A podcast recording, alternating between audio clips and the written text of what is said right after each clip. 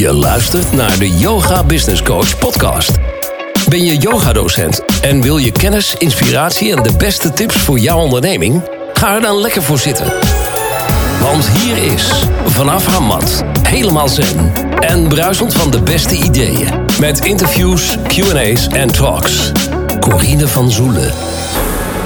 Welkom bij de Yoga Business Coach podcast. Vandaag aflevering 185. En in deze aflevering interview ik Jacqueline Smeets. Jacqueline doet mee met de online training van yogadocent naar online yogadocent. En uh, we hadden dus een coach call en ik zei misschien is het wel leuk om in mijn podcast te komen. Dus vandaar dat we uh, later op de dag een, um, een afspraak hebben gemaakt en uh, we deze podcast hebben opgenomen. Jacqueline is meer dan alleen yogadocent. ze heeft ook haar eigen studio gehad. En ze heeft een mindwalk. En dat wil ze nu helemaal neer gaan zetten. Om ook internationaal verder uit te breiden. Ondanks dat er al heel veel mindwalk trainers zijn verspreid over de hele wereld. En um, ze wil dit graag dus doen. En uh, ze gaat dus meer vertellen over het ontstaan van mindwalk. Over de training die zij geeft. Die wordt live gegeven door twee trainers uh, in Nederland en een andere in België. Maar ook online uh, door haarzelf in het Nederlands. En ze is ook bezig uh, voor in de toekomst om een uh, Engelse versie te gaan maken. Um, meer vind je uh, in deze podcast natuurlijk. En wil je wat weten over Jacqueline? Zou je haar graag willen volgen op social media of kijken op welke sites je het beste terecht kunt? Check dan de show notes pagina's www.deyogabusinesscoach.nl slash 185 van de 185ste podcast. Ik wens je heel veel luisterplezier plezier. Vandaag heb ik een online afspraak met Jacqueline. Welkom. Hallo, ja, leuk. Ja, even spontaan een podcastopname. En uh, omdat we elkaar vanochtend spraken in de coachcall. Um, nou, misschien is het wel leuk om uh, je even voor te stellen in het kort. Ja, waar ga ik beginnen? Um, allereerst Jacqueline Smeet. Ja, uh, moeder van twee kleine kindjes. partner met uh, de papa van de kindjes. En wij doen eigenlijk uh, iedere dag dat wat we het liefste doen. Hij is ook zelfstandig ondernemer. Ik ben ook uh, nu 12 jaar zelfstandig onderneemster.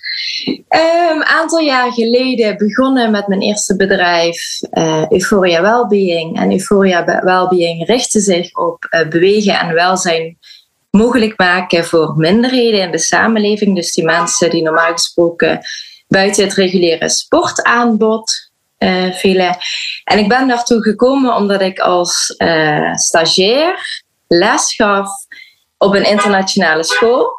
Hmm. Oh, er komt even een auto langs getuterd. Oh, ik gaf les op een internationale school. En um, daar had ik uh, de vrijheid om bewegen te combineren met mijn achtergrond als maatschappelijk werkster. Ja, dat was natuurlijk voor een stagiair daar fantastisch. Maar toen ik daarna het reguliere werkveld in mocht, bestond dat niet. Dus ik dacht, ja, als het niet bestaat, dan ga ik gewoon mijn eigen weg bewandelen. En toen heb ik me ingeschreven, mijn eerste organisatie ingeschreven bij de Kamer van Koophandel. En zo is eigenlijk Euphoria ontstaan. Maar omdat Euphoria zo ontzettend goed liep, ik gaf vier. Uh, avonden in de week les. Ik gaf uh, zeven dagen in de week les. Ik, uh, ik, was eigenlijk heel veel van huis. En zo rende ik mijzelf eigenlijk redelijk uh, voorbij. En toen had ik toen een tijd ook nog een relatie. En diegene die vroeg op een gegeven moment: moet ik mezelf soms ook bij jou in de agenda gaan schrijven? En toen dacht ik, oh jee, dat uh, loopt niet helemaal lekker. Dus wat ben ik toen gaan doen? Ik ben heel veel minder uren les gaan geven. Ja, met gevolg dat ik er niet gelukkig van werd. De relatie werd er niet gelukkig van. En uiteindelijk is die relatie ten einde gegaan. En toen ben ik toevallig teruggekomen in uh, het appartement waar ik voor de relatie in woonde. Dus vier jaar later kwam ik in mijn oude appartement terecht, waar ik eerder ook al een keer gewoond had. En toen dacht ik daar, oh jee, uh, ik heb ergens een afslag gemist, maar ik weet niet precies waar. En um, wat ben ik toen gaan doen? Het was voor de zomervakantie. En er kwam, ik gaf toen al heel veel buitentrainingen, heel veel buitenlessen. En er kwam een mevrouw terug uit Santiago de Compostela. En die was daar zo enthousiast over. Die had echt zoiets van, oh wauw, geweldig. En wandelen en de natuur. En dan moet je echt een keer meegemaakt hebben. En ik dacht, nou ja, ik heb toch vakantie. Ik heb uh, geen andere activiteiten op de uh, kalender staan. Sowieso yoga-studio's, sportstudio's hebben dan vaak zomerstop. Dus ik ben naar Santiago gewandeld. En uh, ja, wat eigenlijk een wandelvakantie moest worden om even mijn gedachten te verzetten en even op een sportieve manier alles eruit te stappen. Dat is zo'n life-changing ervaring geweest. Ik ben toen echt door, ja, door verschillende lagen heen gegaan. Ik ben, wat mensen van tevoren zeiden, je gaat echt tot bezinning komen. Ik ben mezelf zo keihard tegengekomen, maar op een fantastische manier. En uh, ik merkte dat eigenlijk mijn, mijn hoofd zo ontzettend vol zat, dat ik gaandeweg ook meditatieve wandeltechnieken ben gaan ontwikkelen. En dat ik gaandeweg echt merkte van, nu kom ik eindelijk tot rust, tot, uh, ja, tot uh, inzichten, tot hele mooie levenslessen, hele mooie verbindingen. En wat ik het meest bijzondere eigenlijk vond, was dat doordat je uh, meditatief gaat wandelen, dat je gedachten op een gegeven moment gewoon echt overstijgt en dat je één wordt met de natuur. Nou ja, in Santiago aangekomen had ik wel echt zoiets van, ja, is het nu afgelopen? Is het nu het einde van de tocht? Dus ik vond het wel ergens heel jammer, maar er kwam ook zo'n euforisch gevoel naar boven. Ja, het is gewoon onbeschrijfelijk. Het is echt uh, bijna niet in woorden uit te drukken. En uh, toen ik terugkwam, toen had ik wel zoiets van: wauw, ik snap niet dat dit niet doorgegeven wordt, dat dit niet onderwezen wordt.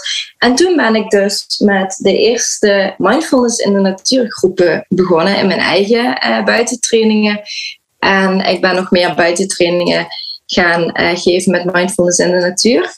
Ja, en dat werd zo waanzinnig goed ontvangen dat ik dacht van, ja, ik wil hier meer mee gaan doen. En toen ben ik dus meer buitentraining gaan doen. Waar de, um, de thema's die ik zelf tegenkwam op mijn tocht naar Santiago, die heb ik ook vertaald naar levenslessen, naar inzichten. Dus dat zijn uh, thema's geworden in een cursus, heb ik het op een gegeven moment samengegoten. En toen ontstond er dus een tienweekse cursus Mindfulness in de Natuur. En uiteindelijk dekte mindfulness in de natuur de lading niet meer. En toen ben ik dat uh, Mindwalk gaan noemen, omdat Mindwalk gebruik maakt van uh, de thema's, maar ook van de zes pijlers die ik zelf op mijn tocht uh, heb mogen ervaren. En ja, wat ik wel natuurlijk geleerd had van voor de tocht, van voor ehm, van tevoren dat ik me niet meer helemaal in in, uh, zelfs als je doet wat je het liefste doet, kun je jezelf nog voorbij rennen. Ja. En dat had ik wel heel erg geleerd. Ik had wel echt bewust zoiets van: oké, okay, uh, als het nu dadelijk gaat, weer gaat stromen en dat het weer zo ontzettend veel wordt op een leuke manier, dan is het wel goed om ook op tijd te zeggen: oké, okay, tot hier en niet verder. En dan ga ik het ook doorgeven aan anderen. En zo is eigenlijk op een natuurlijke wijze ook ontstaan dat ik uh, anderen ben gaan opleiden. Dus dat is in een nutshell waar ik vandaan kom en hoe uh, Mindwalk eigenlijk ontstaan is. En ja, dat is waar veel mensen me van kennen, maar misschien ook niet. Ja, ja en jij zegt dus je bent begonnen inderdaad eerst om het zelf te geven, daarna mensen op te leiden. Hoeveel mensen heb je eigenlijk inmiddels al een beetje opgeleid? Want dat... Um, ik, ik heb zelf 400 trainers opgeleid in meer dan 10 landen. En uh, afgelopen jaar heb ik de stap gemaakt om twee nationaal trainers aan te trekken. Eén nationaal trainer voor Nederland en één nationaal trainer voor België. En zij hebben afgelopen jaar daar ook nog een aantal trainers aan toegevoegd. Dus we zijn, um, ik was al over de 400, maar zij hebben samen met mij en ook de online trainingen die ik ben gaan geven, hebben we meer dan 500 trainers opgeleid. Dat is echt... Ja, dat is echt waanzinnig. Ja, joh. Dus dat is niet niks. Ja, ik, bedoel, ik zie natuurlijk heel veel mensen om me heen die uh, mindwalk trainer zijn. En ook met trots uh, draagt ze het op een profielfoto, zeg maar, vaak op Facebook of zo. Dus en, um, maar ja, dus dan, dan toch, weet je wel, soms heb je het inderdaad met mensen erover en die kennen het dan nog niet. Dus dat vind ik dan eigenlijk weer heel bijzonder. Maar dan merk je al wel weer dat je toch in een soort van bubbel uh, ook zit daarbij. Dus, ja, maar, soms is het ik wil zeggen, soms is het ook bijna, um, ja, dan voel ik het al bijna als een soort van uh, egoïstisch dat ik denk dat iedereen het kent. Want natuurlijk zijn het eigenlijk nog maar weinig mensen die het in verhouding kennen. Maar omdat ik zoveel mensen ken die het wel kennen, ja. uh, vergis je je daar soms in. Ja, maar ik denk altijd, het is altijd mooi om te zien dat als je inderdaad meer dan 500 mensen hebt opgeleid, die op hun beurt ook allemaal weer mensen kennis laten maken met deze uh, methode, zeg maar, die je eigenlijk ontwikkeld hebt, dan, dan hoeveel mensen je eigenlijk indirect hebt mogen aanraken door, door eigenlijk die wandeling gewoon naar Santiago te doen voor jezelf. En wat voor mooie uitwerking het dan heeft, hè? Hey, en als je zegt, het zijn zes pijlers, dus zes levenslessen, kun je daar even iets kort over vertellen? Ja, nou de zes pijlers zijn, is eigenlijk die, de methode-inhoud en de levenslessen, dat zijn tien thema's, zo kun je het zien. En de zes pijlers waar Mindwalk uit bestaat, dat is natuurlijk meditatief wandelen, daar staat ook de walk voor in Mindwalk. Dan heb je het stukje mindset, want dat is ook een heel groot onderdeel van mijn weg naar Santiago was toch wat ik allemaal in mijn hoofd tegenkwam. Dus mindset in de zin van uh, gedachtenmanagement, maar ook creatiekracht, wet van de aantrekkingskracht. Dan het uh, derde onderdeel is mindful bewegen. Want mijn achtergrond als yoga-docent, maar ook als sportinstructrice. Um, ook onderweg naar Santiago deed ik toch dagelijks uh, nog bewegen. Alleen merkte ik dat ik voor mijn tocht meer uh, prestatiegericht was aan bewegen. En dat ik door de tocht meer ja, bewust ben gaan bewegen. Dus mindful bewegen, dat is de derde pijler. De vierde pijler is relaxatie. En onder relaxatie, dus eigenlijk heel breed, daar kun je ademhalingsoefeningen, ontspanningsoefeningen, meditaties, visualisaties. Dus eigenlijk um, ja, alles wat tot ontspanning leidt, dat valt onder het blokje relaxatie. De vijfde um, zijn de bewustzijnsankers. En dat zijn present in the present. En dat is eigenlijk voortgekomen uit het feit dat op mijn tocht werden er uh, soms cadeautjes aangereikt die ja, die een verbinding in je hersenen hebben gelegd, die gewoon blijvend is, waardoor je daarna sneller naar het gevoel. Ik noem dat altijd een shortcut to happiness. Door die verbinding kun je weer terug naar dat gevoel. Dus die present in the present. En dat kon ook soms als ik een hele dag gewandeld had en ik had geen puff meer om wat uh, eten te gaan halen. Als iemand zei van hier, eet een maaltijd bij ons mee, dat soort dingen. Het hoeft geen fysiek cadeau te zijn, alhoewel dat ook wel kan. Een fysiek cadeau kan ook een hele mooie uh, bewustzijnsanker zijn. Maar het waren ook vaak de gebaren of de gebaren van de natuur. Een, uh, een cadeau uit de natuur, een steen die ik nog steeds meesleep, wat mij steeds weer terugbrengt naar dat gevoel. Dus dat zijn present in the present. Dat is ook een belangrijk onderdeel. Uh, binnen Mindwalk kan dat bijvoorbeeld ook een gedicht zijn, wat, iemand, wat een trainer voorleest. En dan neem je dat gedicht mee en dan word je steeds weer teruggebracht. Um, want eigenlijk het, mijn doel later is ook geworden dat mensen handvaten krijgen om het in het dagelijks leven toe te passen. Dus niet alleen um, in de Mindwalk training of in de Mindwalk cursus of tijdens je wandeling, maar dat je het iedere dag kunt toepassen. Ja, dat is de vijfde pijler. En de zesde pijler vind ik misschien nog wel de aller, aller, allerbelangrijkste. En dat is natuurbewustwording. Want heel veel mensen zijn echt de verbinding met zichzelf kwijt, maar ook de verbinding met de natuur. En uh, dat zit dus eigenlijk door alles heen verweven. Dus dat is, dus zijn de zes pijlers van de methode. Die eigenlijk in een hele mooie uh, dubbele driehoek plaatsen. In, de, ja, in een zespuntige ster plaats ik die altijd. Ja, maar ook wel mooi, omdat jij zegt inderdaad die verbinding met de natuur. Uiteindelijk ben je zelf natuurlijk ook de natuur.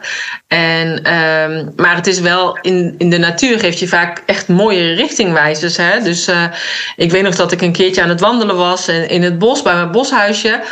En daar had ik het met uh, Helene over. Zij is natuurlijk ook ademcoach uh, van Heleva. En we waren aan het wandelen en zei, hadden we het over van... wat als nou sommige dingen spannend zijn? En toen zei Helene, zegt altijd, je gewoon doorheen ademen, Corine. Maar bij mij gaat het altijd, en dat is vanuit Human Design ben ik een 1-3... altijd via een omweggetje. En op dat moment lag er echt ook een boomstam helemaal over het pad. Echt een grote, dikke boom. En ik wilde er dus ook omheen lopen. Want bij mij gaat de weg nooit rechtdoor. is altijd via een omweggetje dat ik er Dus heel automatisch liep ik er dus omheen en kwam ik dus aan de andere kant van die boom uit. Terwijl Helene, die liep onder de boom door. Dus de boom lag met allemaal takken. Maar er was dus een gat, echt een heel groot gat waar je gewoon doorheen kon. Wat ik niet zag. En wat zij dus wel zag. Dus en zelf hadden we echt Ik heb er een foto van gemaakt. Ik dacht, ik ga er nog een keer een post over schrijven. Maar die heb ik nog steeds niet gedaan. Maar wel dat ik dacht van, kijk, zij zegt er doorheen ademen. Zij gaat er dus ook doorheen. En dan was genoeg ruimte.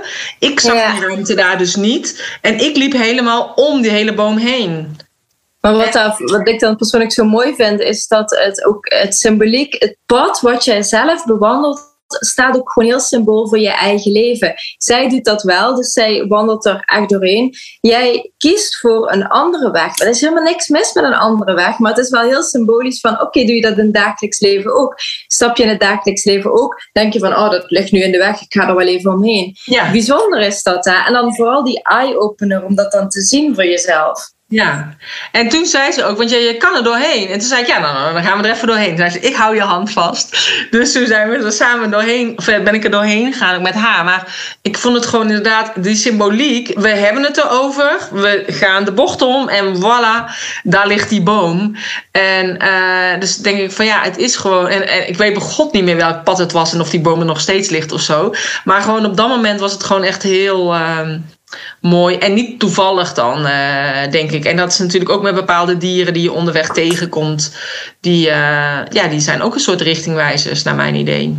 Ja, precies. Ik krijg altijd de. Uh, als je naar Santiago wandelt, heb je allemaal pijlen en schelpen die je de weg wijzen. Maar die heb je op je gewone pad ook. Je hebt het pad wat de weg wijst. Dus echt gewoon het wandelpad met inderdaad bomen of of er los zand is, of dat er modder ligt.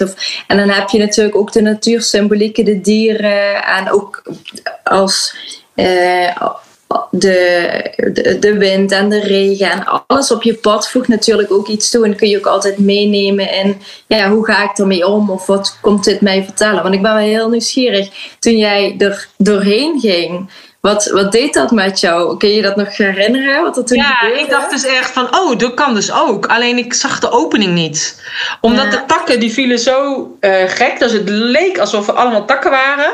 En ik ging gewoon hup, meteen om de wortels eromheen. Terwijl zij ging die kant op en zij zei, nee, je kan er gewoon onderdoor hoor. Dan dacht ik, huh, kan je er onderdoor? Dat... En, uh, en, dus ook omdat zij mij hielp, want ze hield even mijn hand vast. En uh, dus ik dacht van ja, weet je, dus inderdaad, uh, ja, de les die ik eruit heb gehaald, ik hoef het niet alleen te doen. Ik mag ook gewoon inderdaad hulp aannemen en er doorheen ademen. Want dan kom ik er dus ook. En ik hoef niet het zelf uh, alles te proberen en helemaal met een omweggetje te nemen. Maar ik zag die mogelijkheid niet. Terwijl ik altijd heel veel mogelijkheden zie. Maar uh, bij mij is het wel heel vaak zo dat als ik iets wil, dan lukt het niet. En dan moet het altijd via een omweggetje. En uiteindelijk weet ik dat ik er ook kom. Mm -hmm. Dus is het alleen altijd nooit de kortste route, zeg maar. Ja, maar mooi dat er meerdere wegen zijn. En dat jij nu dus op dit pad, en het kan voor ieder pad anders zijn, maar dat je dus nu terug hebt gekregen dat je best die hand mag aangrijpen die je gereikt wordt. En dat je dus inderdaad niet alleen hoeft te doen. Ja. Dat ik wel een hele mooie om uh, terug te krijgen van de natuur. Ja. Ja, nee, vond ik ook. Dus uh, daarom heb ik hem ook nog onthouden natuurlijk. dus uh, niet als een hele grote boom. Dus dat is wel grappig. En ik denk van ja, dat, ik heb dat ook inderdaad als ik bepaalde dieren zie. Dat ik dan denk van ja, dat is niet voor niets, zeg maar. Dus. Ja, ja, ik geloof sowieso heel sterk in synchroniciteiten. Want uh, als die mevrouw niet terug was gekomen uit Santiago, was ik zelf nooit naar Santiago gewandeld. En dat is met synchroniciteiten in de natuur ook. Niets komt van niets op je pad. Daar ben ik gewoon heel erg van overtuigd. En ook uh, niets komt van niets op je pad op het moment dat jij bijvoorbeeld aan dingen denkt. Uh, alleen vergeten we dat vaak. Want heel, we zitten toch, ja, dat bedoel ik niet als oordeel helemaal niet. Maar hoeveel mensen gaan niet op het moment dat ze een eekhoorntje zien, de spirituele betekenis van een eekhoorntje opzoeken. En dat is heel leuk en dat is geweldig en dat voegt ook heel veel toe. Dat wil ik ook niet zeggen. Maar veel zelf denk ik dan, het is zo goed om dan even stil te staan. Wat dacht ik eigenlijk aan op het moment dat het eekhoorntje voorbij flitste? Um, waar sta ik nu op het, op het punt in mijn leven? Dus eerst eens even aan wat komt die mij brengen? Waar, wat, wat voegt het voor mij toe? Uh, en dat zijn eigenlijk allemaal vragen die behandel ik dan niet binnen de Mindwalk, maar ik heb ook nog een verdiepingsmodule en dat is het inner kompasgids. En dan en navigeer je echt naar, ja, naar je ziel, zeg ik altijd maar. Maar ja, het is zo mooi als die dieren dan op je pad komen om eens even stil te staan en toch niet uit verbinding te gaan. Want we gaan toch weer uit verbinding als we die telefoon pakken en die spirituele betekenis opzoeken. Maar echt voor jezelf nagaan. Van, wat komt dit mij nou vertellen? Wat komt dit mij nou brengen? Wat is de boodschap voor mij in dit moment? Ja, ja heel mooi. Nou ja, er zijn zoveel dingetjes hè, dan die je daarbij uh, uh, die je overkomen. En dan is het inderdaad heel logisch om inderdaad snel even op te zoeken van wat is dat, uh, wat kan het betekenen? Oh, ik zie, eh, ik was laatst met mijn zus. eh, Toen gingen we even s'avonds laat, want we waren naar een festival geweest. In, eh, met dat strand, eh, Vrijhaven Strandfeest. Reden we terug, zei ik, nou, ik wil heel eventjes naar de McDonald's even een ijsje halen. En toen kwamen we buiten. Nou, echt zoveel papieren zakken en weet ik veel wat er allemaal buiten lag aan, aan rommel en afval. En daar liepen dus ook ratten gewoon buiten. Dat ik echt dacht, godverdamme, er lopen hier ratten. Dus toen zei ik tegen mijn zus, even opzoeken wat het betekent inderdaad. Maar ik, ik vond het een beetje eh, eh, ja, onwerkelijk dat er zoveel afval daar buiten lag. Maar ja, fijn. Een- ja. Was dat afval gedumpt door de mensen die wat naar het festival waren gegaan? Nee, het was gewoon nee, want die McDonald's lag gewoon op de weg. Maar gewoon Oh, dat de mensen die inderdaad naar de McDonald's gaan, naar buiten gaan en het dan daar dus gewoon op straat gooien. En, ook de hele prullenbakken puil eruit, hè? Dus het is gewoon vanuit de McDonald's dat ze het niet schoon hebben gemaakt. Oké. Maar eh, toen dacht ik, ja, dan krijg je dus inderdaad wel dus eh, ratten. Terwijl op zich die betekenis van de rat was heel positief. Ja, de rat heeft inderdaad een hele mooie eh, symboliek. Maar ook, ja, ook het opruimen, daar, daar staat het ook eigenlijk volgens mij eh, voor. Dus ik zeg altijd, wat betekent het voor jou? Maar algemeen staat een rat natuurlijk ook aan bijdragen aan eh, het grotere geheel. En de mes opruimen. En eigenlijk de vieze klusjes doen die niet iedereen wil doen. Ja, Om bij te dragen aan het, aan het hele plaatje. ja, precies.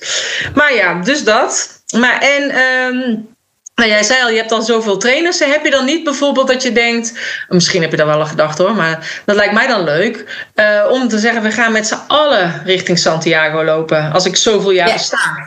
Ja, nou, ik ben, ehm, even denken, wanneer was dat? Een aantal weken geleden ehm, ben ik hier in de buurt op het eh, pad naar Santiago ehm, begonnen voor mezelf. Dat ik dacht van, ah, daar wil ik eigenlijk wat meer mee. En toen dacht ik, ik wil wel heel graag een soort van bezinningsreis en dan met trainers eh, met elkaar. Maar ehm, ik merk heel sterk, toen ik naar Santiago liep, had ik natuurlijk nog geen kindjes. En ik voel nu heel sterk dat ik de kindjes nog niet een aantal nachten wil achterlaten. Dus dat is tussen aanhalingstekens het enige wat mij op het moment raamt om niet dit soort dingen te doen. Want ik wilde ook al heel graag bijvoorbeeld naar Santiago of gewoon mensen meenemen op eh, bezinningsreizen. Of gewoon ja, eigenlijk echt het leren pelgrimeren. Want ja, het is toch anders dan een, een retreat. Als je gaat pelgrimeren is het toch net iets anders dan een yogavakantie bijvoorbeeld, wat ook heerlijk is. Maar ja, zelfs dat doe ik nu niet, een yoga-vakantie, omdat ik de kindjes niet een paar dagen achter kan laten. Dus ik was aan het denken, hoe wil ik dat eh, ja, gaan delen dat het wel kan. Dus het worden misschien one-day eh, tripjes. Oh, maar ja, op zich kan dat ook, hè. En ik weet bij, ehm, in Nijmegen, ken je dan misschien ook, dan heb je toch ook dat je zo'n kleine ronde doet door Nijmegen. En dan kom je ook bij zo'n klooster in eh, Velp. Ja. ja, er zijn eh, best wel veel. eh, hier in het zuiden heb je zelfs de Caminis. Dat zijn eendaagse tripjes. En die is ook geïnspireerd door de Camino. Ja. Ja, zoiets kan ook. Dan doe je het in het klein. Maar, Ja. eh, en uiteindelijk moet je natuurlijk heel vaak het zelf doen. Maar misschien is het ook wel leuk om met een hele grote groep te doen. Als je zoveel jaar bestaat. Dat je denkt, eh, Ja, precies. Ik had afgelopen, afgelopen zomer had ik het, het achtjarig jubileum. En toen we, zijn we wel ook met z'n allen samengekomen, of met een groot deel samengekomen. En hebben we het ook samen eh, ervaren, samen gevierd. Het is ook altijd weer fijn om te verbinden. Toen heb ik er ook echt een weekend van gemaakt met overnachting. ja. Ja, superleuk. Hey, en is er nog iets dat je denkt, oh, dat zou ik nog heel graag willen vertellen? Of ehm, ben je vergeten te vragen? Eh, even denken. Hmm. Ehm, nee, Nee. ik vind het gewoon leuk om te vertellen. Het is mijn allereerste podcast. Ja, dat vond ik sowieso al heel, eh, heel spannend, maar leuk dat, dat je me uitgenodigd hebt voor deze Ja. podcast. Om te vertellen over eh, ja, wat ik graag doe. Ja, nou superleuk. En als mensen dus interesse hebben, heb je, je hebt zeg maar een live training, hè, dat ze het bij jou kunnen leren en online. Ja, nou, bij mij dus kunnen ze het niet meer live leren. Nee, bij dat kan bij de nationaal trainers. Uh, want mijn droom is het om in het Engels te gaan uh, onderwijzen. Ik wil graag internationale stappen gaan zetten. Maar de online training is wel ook nog in het Nederlands. En die start uh, maandag 12 september. Mm. Geef ik hem in twee weken de Mindtalk Teacher Training online. En in die twee weken geef ik ook masterclasses. Dus dan zit ik ook... Het is niet alleen maar kijk de video's eh, kijk de instructievideo's en ga naar buiten. Want het is wel echt de bedoeling dat je zelf naar buiten gaat. Maar er zijn ook masterclasses waar ik dus het proces monitor.